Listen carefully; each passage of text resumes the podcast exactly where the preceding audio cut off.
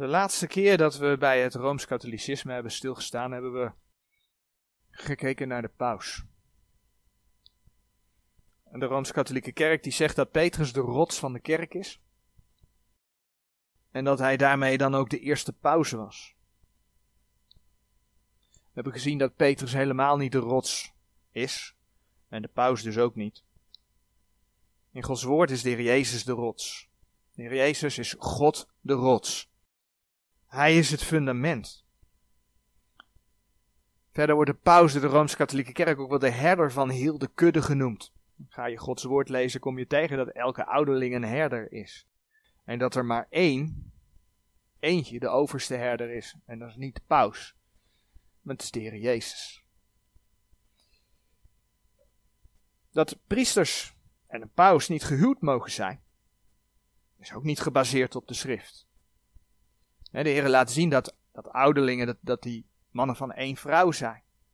Dus dat celibaat, zoals dat dan genoemd wordt, dat leidt alleen maar tot immoraliteit. En dan zien we zelfs dat de Heer in de schrift aangeeft dat, dat het verbieden te huwen, dat dat een lering der duivelen is. Nou, Maria maakt een belangrijk onderdeel uit van die leringen van de Rooms-Katholieke Kerk. En vanmorgen willen we dan ook naar, ja, naar Maria kijken, zeg maar. Maar nu willen we eerst naar die catechismus van de Rooms-Katholieke Kerk kijken.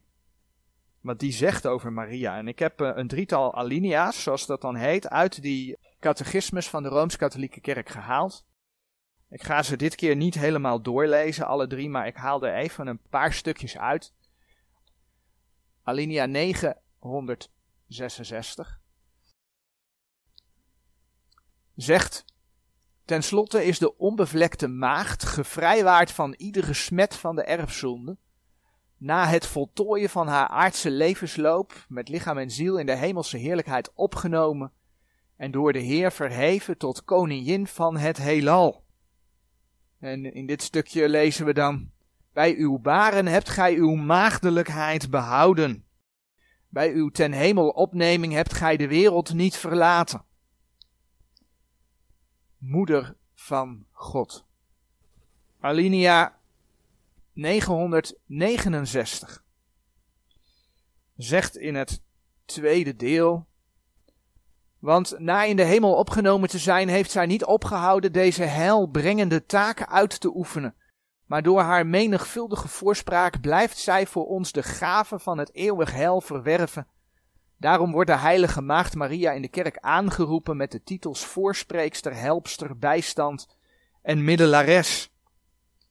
En dan nog een klein stukje uit alinea 971, waar onder andere staat, ieder geslacht prijst mij zalig.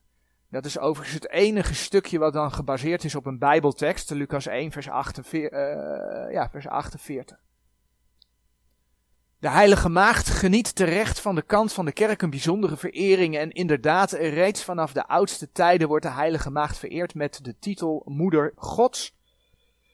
En tot haar bescherming nemen de gelovigen in al hun gevaren en noden hun toevlucht.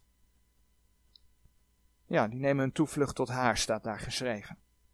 En dan zie je in het laatste stukje nog, en in het gebed tot Maria. Dus men aanbidt Maria. Tot zover even de citaten uit die catechismus van de Rooms-Katholieke Kerk. Er zijn een aantal zaken die we eruit lichten en eigenlijk zijn dat de delen die ik net heb voorgelezen. En we willen daar dan vanuit Gods woord naar kijken. Maria wordt de onbevlekte maagd genoemd, gevrijwaard van iedere smet van de erfzonde. Maria zou dus zonder zonde zijn. Rome leert dat Maria nog steeds maagd zou zijn, ook nu. Zij wordt koningin van het heelal genoemd. Op andere plekken, niet in deze alinea's kwam je dat niet tegen, maar op andere plekken wordt ze ook wel de hemelkoningin genoemd. Ze wordt moeder van God genoemd, zijn we tegengekomen. En van daaruit zou zij meewerken aan het heil van de mensen. Zij wordt dan ook wel middelares genoemd. En vanuit die hoedanigheid wordt ze ook vereerd. Weliswaar zegt men, dat staat wel in die artikelen, heb ik niet voorgelezen, dat het verschilt met de aanbidding van God. Maar het mag duidelijk zijn dat men zelf zegt dat Maria aanbeden wordt. Nou, we gaan die dingen bekijken. Alles wat men Maria toedicht en wat men haar doet, hè, vereren bijvoorbeeld, hangt ermee samen dat zij de moeder van God genoemd wordt. Maar ook hemelkoningin. Het is natuurlijk een feit dat Maria de Heer Jezus op aarde geboren heeft doen worden. Als vrouw zijn. Lucas 1 vers 31. In de evangelie kom je dat tegen. Maar met het feit dat de Heer Jezus als mens op aarde geboren is, is Maria natuurlijk niet de moeder van God. De Heer Jezus was, zegt de schrift, voor de schepping. Dan bladeren we naar Johannes 1 vers 1. De tekst kennen we wel, maar we gaan hem lezen. De Heer Jezus was voor de schepping reeds bij de Vader aanwezig. Hij was en is God. En God de Vader, de Zoon en de Heilige Geest, zegt 1 Johannes 5 vers 7, die zijn één.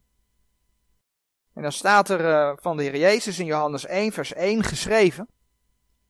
In den beginnen was het woord. En het woord was bij God. En het woord was God. Dus het feit dat zij de verlosser als moeder mocht dragen, als mens met een hoofdletter weliswaar geboren mocht doen worden, dat heeft ertoe geleid dat we in Lucas 1 vers 48 lezen. Omdat hij de nederheid zijner dienstmaagd heeft aangezien, want zie van nu aan zullen mij zalig spreken al de geslachten. Al de geslachten. Maria mag gezegend zijn, maar dat maakt haar niet de moeder van God. De engel die de geboorte van de Heer Jezus aankondigde, noemde haar, en dat lees je in vers 28 van Lucas 1, Gij begenadigde. Gij begenadigde.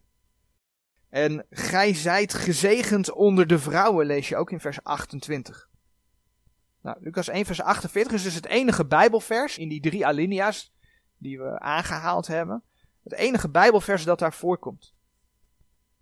Waar dan verwezen wordt, als het gaat om Maria, er was nog één ander bijbelvers, maar dat had met de Heer Jezus te maken. Maar betekent dit vers, en Lucas 1 vers 28, dat Maria vereerd moet worden? Nee, natuurlijk niet. Ik bedoel, als Maria zo belangrijk was, dan had zij toch in Gods woord, bijvoorbeeld onder de apostelen in handelingen, al vereerd moeten worden. Dan hadden we toch in de brieven aan de gemeente een opdracht gehad om haar als middelares te betrekken in ons gebed tot de vader of de zoon. Maar je vindt daar helemaal niets van. Helemaal niets. Maria, de moeder van de Heer Jezus, wordt in Handelingen 1 vers 14 voor het laatst genoemd. Handelingen 1 vers 14. Kort na de hemelvaart, maar voor Pinkster, wordt ze voor het laatst genoemd. Deze allen waren eendrachtelijk volhardende in het bidden en smeken met de vrouwen en Maria, de moeder van Jezus, en met zijn broederen. Weliswaar wordt Maria hier apart genoemd, maar je ziet niet dat zij ja, bijzondere verering krijgt, of dat ze daar aanspraak is voor de apostelen, of nee, ze is samen met de anderen aan het bidden. Wat gelovigen doen. In gebed gaan tot de Heer. Ja, en verder komt ze daarna in de handelingen en in de brieven niet meer voor. Dus Maria uit beeld verdwenen. Nou, de Heere heeft geweten, want de Heere God is alwetend. De Heere heeft geweten wat mensen zouden gaan doen. Die, die heeft vooruitgezien, die heeft gezien dat mensen Maria zouden gaan vereren. Je ziet dan ook dat, hè, en, en, en zij wordt dus moeder Gods genoemd, maar iedere keer als de Heer Jezus zelf. Want ja, Maria wordt ook de moeder van de Heer Jezus genoemd in de evangelie. Maar iedere keer als de Heer Jezus zelf Maria aanspreekt, zegt hij nooit moeder. Hij spreekt haar altijd aan als vrouw. Je kunt dat vinden in Johannes 2 vers 4, Johannes 19 vers 26. En je zou daar ook nog bij kunnen lezen, Matthäus 12 vers 50. Maar laten we de versen in Lucas 11 op gaan zoeken. In Lucas 11 vers 27 eh, en 28 daar lezen we over een vrouw die Maria gezegend noemde. En dan is het mooi om te zien hoe de Heer Jezus daarop reageerde. In Lucas 11, vers 27 en 28. Daar lezen we. En het geschiedde als hij deze dingen sprak, dat een zekere vrouw de stem verheffende uit de scharen tot hem zeide, zalig is de buik die u gedragen heeft en de borsten die gij hebt gezogen. Nou, wat zei de Heer Jezus? Ja, je hebt gelijk, je moet haar gaan vereren en uh, noem het maar op. Nee, dat zei hij niet. Nee, hij zei, ja, zalig zijn degenen die het woord Gods horen en het zelf bewaren. Hij gaat er helemaal niet op in. Hij gaat er helemaal niet op in dat die vrouw die hem gedragen heeft, dat die gezegend is. Daar gaat hij niet op in. Nee, hij zegt zalig zijn degenen die het woord Gods horen en het zelf bewaren. Verder lezen we in de brieven aan de gemeente. 1 Timotheus 2 vers 12. 1 Timotheus 2 vers 12. In de brieven aan de gemeente lezen we dat een vrouw niet hoort te leren. Dat een vrouw geen autoriteit over de man hoort te hebben. In 1 Timotheus 2 vers 12. Daar lees je. Doch ik laat de vrouw niet toe dat zij leren, noch over de man heersen, maar wil dat zij in stilheid zij. Maria werd nooit door de apostelen geraadpleegd. Sterker nog, volgens dit vers moest zij de apostelen raadplegen. Ik bedoel, het was Paulus die van de Heere Gods woord voor de gemeente geopenbaard kreeg. Gelaten 1. Dus Maria moest Paulus, als zij er, er toen nog was, moest zij raadplegen. En niet andersom. Dus wat Rome bereikt heeft, is dat mensen een vrouw een hele hoge plaats geven en haar aanbidden en haar in gebed om raad vragen. Terwijl de Heer God zegt, ik wil niet dat een vrouw leren. En als het dan om de eer krijgt, nou de apostelen, die namen geen verering van mensen. Daar hebben we eh, in een van de vorige delen bij stilgestaan. Handelingen 10, vers 25 en 26. Nou, ook Maria komt geen verering toe.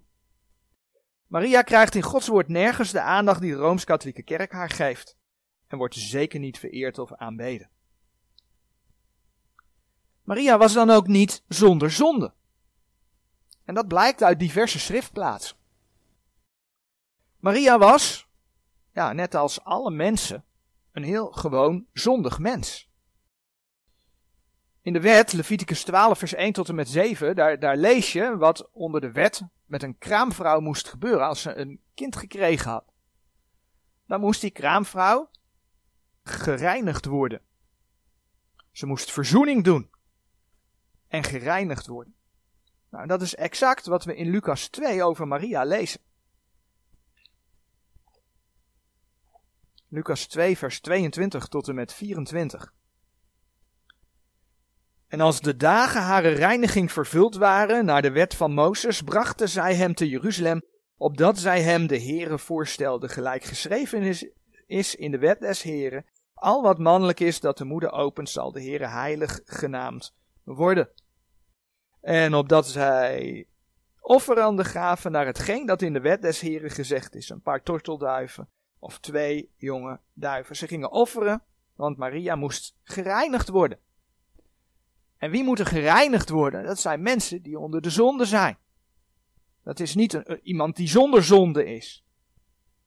Maria bracht als zondig mens een offer om verzoening te doen. Maar ze wist ook dat ze een redder nodig had. Lucas 1, vers 47. In Lucas 1, vers 47 lezen we dat Maria zegt: En mijn geest verheugt zich in God, mijn zaligmaker. God, mijn redder. Maria had een redder nodig. Nou, de titel Gij begenadigde, die uh, door Rome ook gebruikt wordt voor Maria. En ja, het komt uit Gods woord, dat hebben we net gelezen. Maar die titel is ook niet bijzonder. Want als je in Efeze 1 vers 6 gaat kijken. Efeze 1 vers 6 dan zie je dat zoals we hier zitten, en de Heer Jezus hebben aangenomen, dat we allemaal begenadigden zijn. Efeze 1 vers 6 zegt, tot prijs der heerlijkheid zijner genade, door welke hij ons begenadigd heeft in de geliefde. Je bent als kind van God begenadigd in de Heer Jezus. Logisch ook, want je hebt van God genade gekregen. Doordat je de Heer Jezus als je persoonlijke verlosser hebt aangenomen. Daardoor ben je verlost door zijn bloed, door de vergeving der zonde, Efeze 1 vers 7. Je hebt er zelf niets voor gedaan, hè? want dat is genade. Hè? Je hebt het gekregen voor niets. Je hebt er zelf niets voor gedaan. Je hebt het van de Heer gekregen. Daar heeft Hij je mee gezegend, zegt Efeze 1, vers 3. Nou, dat alles maakt niet dat je jezelf of een broeder of zuster in deze zaal gaat aanbidden. Nee, absoluut niet. Je gaat de Heer aanbidden. Je gaat Hem danken, loven en prijzen. Maria was gezegend en begenadigd omdat zij een schakel mocht zijn in Gods plan om de redder van de mensen naar de wereld te laten komen. En ook wij spreken dat uit. Zij was gezegend dat zij ja, die plek in de geschiedenis mocht innemen. Dat spreken we uit op basis van wat Gods woord zegt en laat zien. Maar die redder, dat was de Heer Jezus. En hij krijgt de eer en niet Maria. En het mooie is, als je Lucas 1, vers 46 en 47, we hebben beide versen al gelezen, maar als je ze achter elkaar leest, dan zie je dat Maria zelf ook God de eer bracht. Lucas 1, vers 46 en 47. En Maria zeide, mijn ziel maakt groot de Heere, en mijn geest verheugt zich in God, mijn zaligmaker. Maria maakte de Heere groot. Dan wordt Maria door Rome ook gezien als de eeuwige maagd. Maar ook dat klopt niet.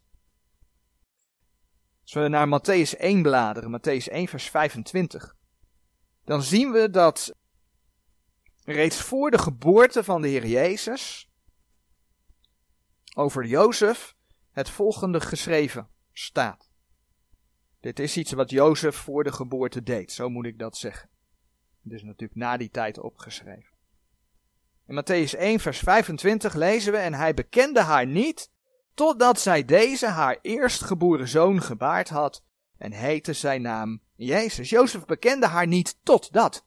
Daar staat een totdat. Dat betekent dus dat hij haar daarna wel degelijk als zijn vrouw tot zich genomen heeft.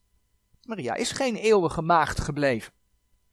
Je ziet dat ook in het feit dat de Heer Jezus hier, dat is trouwens in de nieuwe vertalingen weggehaald, maar de Heer Jezus wordt hier haar eerstgeboren zoon genoemd. Jezus is de enige geboren zoon van God, maar hij is de eerstgeboren zoon van Maria. Zij heeft na de Heer Jezus, en dan bladeren we naar Matthäus 13, zij heeft na de Heer Jezus andere kinderen gekregen. Niet van God de Vader, maar van Jozef. Matthäus 13, vers 55 en 56.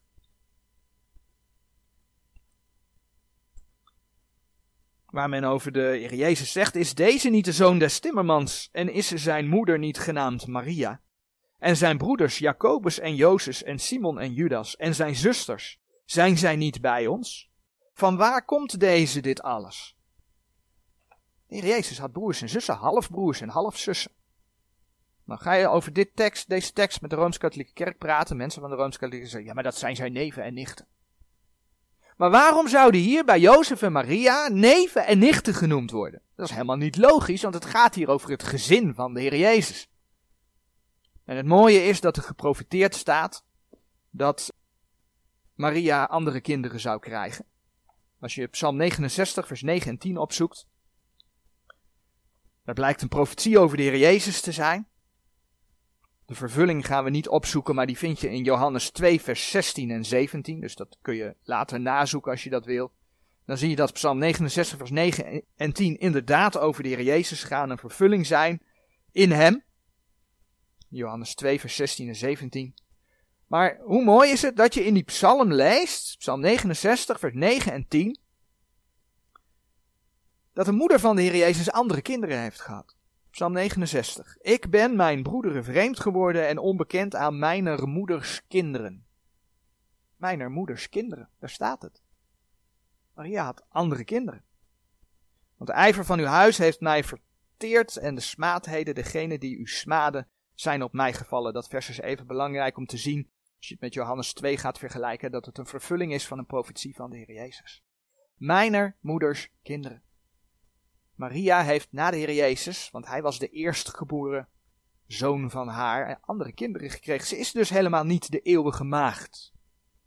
Nou, als zondige vrouw die beleed een redder nodig te hebben, kan zij dus ook nooit een middelares zijn geweest. Of nog steeds zijn. Als we naar 1 Timotheus 2 vers 5 bladeren. 1 Timotheus 2 vers 5.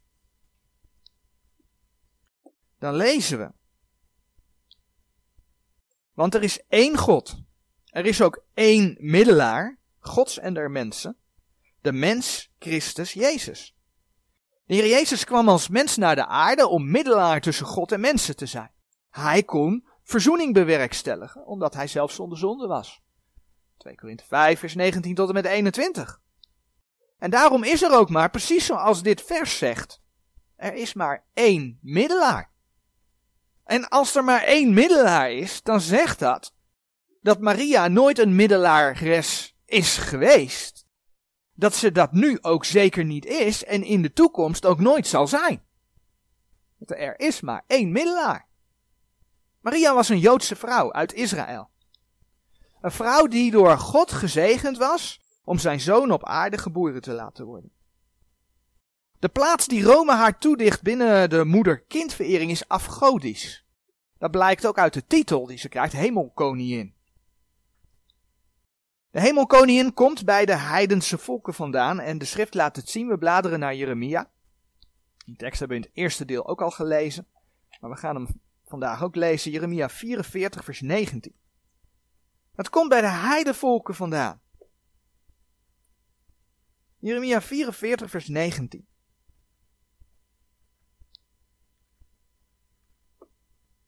Het Joodse volk is de goden van de andere volken gaan navolgen. En daaruit werd onder andere Jeremia 44 vers 19 uitgesproken. Ook wanneer wij aan Melesiet des hemels roken en haar drankoffers offeren, maken wij haar gebeelde koeken om haar af te beelden en offeren wij haar drankoffers zonder onze man.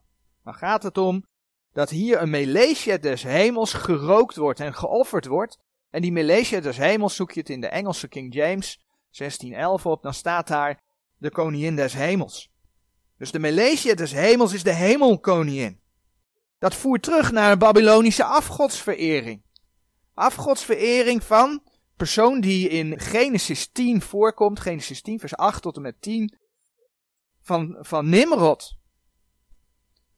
als je dat gaat uitzoeken, een verhouding had met Semiramis. En die zouden dan een zoon gekregen hebben en die heet Tammuz. En daar is een verering omheen ontstaan. En ja, via de verspreiding van de volken vanuit Babel, Genesis 11, is die moeder-kindverering, is eigenlijk de hele aarde overgegaan. En kom je dus overal tegen. Onder andere namen hebben ze dus gekregen. Ja, en de Rooms-Katholieke Kerk heeft dat opgepakt. En die heeft die heidense moeder-kindverering, ja, een christelijk sausje gegeven. En we noemen haar Maria. En we noemen hem Jezus. Maar dit is een verering die dus regelrecht tot het heidendom terug te voeren is. En dus hebben ze een andere rots, maar ze hebben ook een andere Jezus. Maria mag een bijbelse persoon zijn, maar Rome vereert een andere Maria. Ja, dat wordt niet zo letterlijk in de Bijbel genoemd, maar het is wel een conclusie die je trekt, want de Maria die zij definiëren, heeft niks te maken met Maria die in de Bijbel staat. Dus zij vereren, zij, zij, zij, ja, zij vereren een andere Maria. En wat vereren zij daar dan mee? Een duivel. 1 Korinthe 10 vers 20. 1 Korinthe 10 vers 20.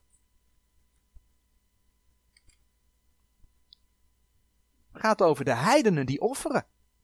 Nou, we hebben gezien dat dat Maria en Jezus, moeder-kindverering, dat dat gebaseerd is op, op, op Semiramis en Tammuz. En de andere namen die dat in de geschiedenis gekregen heeft. Maar het voert terug op heidenoffers. En wat lezen we dan in 1 Korinthe 10 vers 20?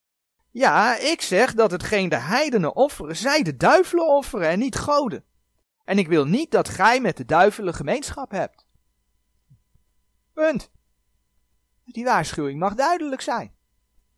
Hier ligt de verklaring waarom Rome zo makkelijk hoereert met de heidenvolken. Want het is dezelfde religie. Eigenlijk. Eén pot nat. Als je dan dus bedenkt dat in Rome vaak zo'n monstrans staat en ook in de kerken hangt zo'n grote zon. Baal aanbidding. Baal is de zonnegod. Terug te voeren op Babylonië. Als je dan bedenkt dat vandaag, als ik het goed begrepen heb, ik heb diverse artikelen gezien, op de Sinaï, notabene waar God de tien geboden heeft gegeven aan het Joodse volk, dat er vandaag tien ecologische tien geboden, ja hoe ze het gaan geven weet ik niet, maar uh, in het leven geroepen worden door de paus met al zijn aanlangers uit al die andere religies. Dat schijnt vandaag een bijeenkomst te zijn. En men noemt dat ook de tien geboden. Nieuwe tien geboden. Het is ten hemel schrijend. Maar de Heer God, denk ik, laat het gewoon toe. Weet je waarom? De antichrist zal ook de valse Messias zijn. Hij zal Jezus Christus nadoen. Dat hoort bij deze tijd. En dan ga je kijken naar het logo. Ik heb daar wat dingen van bekeken. En in het logo van die, die nieuwe tien geboden en die, die organisatie die dat organiseert, daar zit een zon in verwerkt. De zonnegod Baal. En als je dan bedenkt dat een van de, trek de lijn even door, een van de verkiezingsbeloften van president Biden in Amerika is, als jullie zorgen dat de democraten sterk uit de verkiezingen komen, dan zorg ik ervoor dat er getekend wordt dat abortus opnieuw overal, ik weet niet exact de woorden, maar daar komt het geloof ik op neer, in alle staten van Amerika verplicht gaat worden. Dan zie je dus dat de kinderoffers, ja, dat is deze tijd. Zonneverering, paus, andere religies, één pot nat en abortus. Kinderoffers. Dat is de tijd van vandaag. Ik ga het hierbij laten. Maar het is dus de aanbidding van een duivel. 1 Korinthe 10, vers 20. De volgende keer zullen we onder andere stilstaan bij de Rooms-Katholieke Mis. Amen.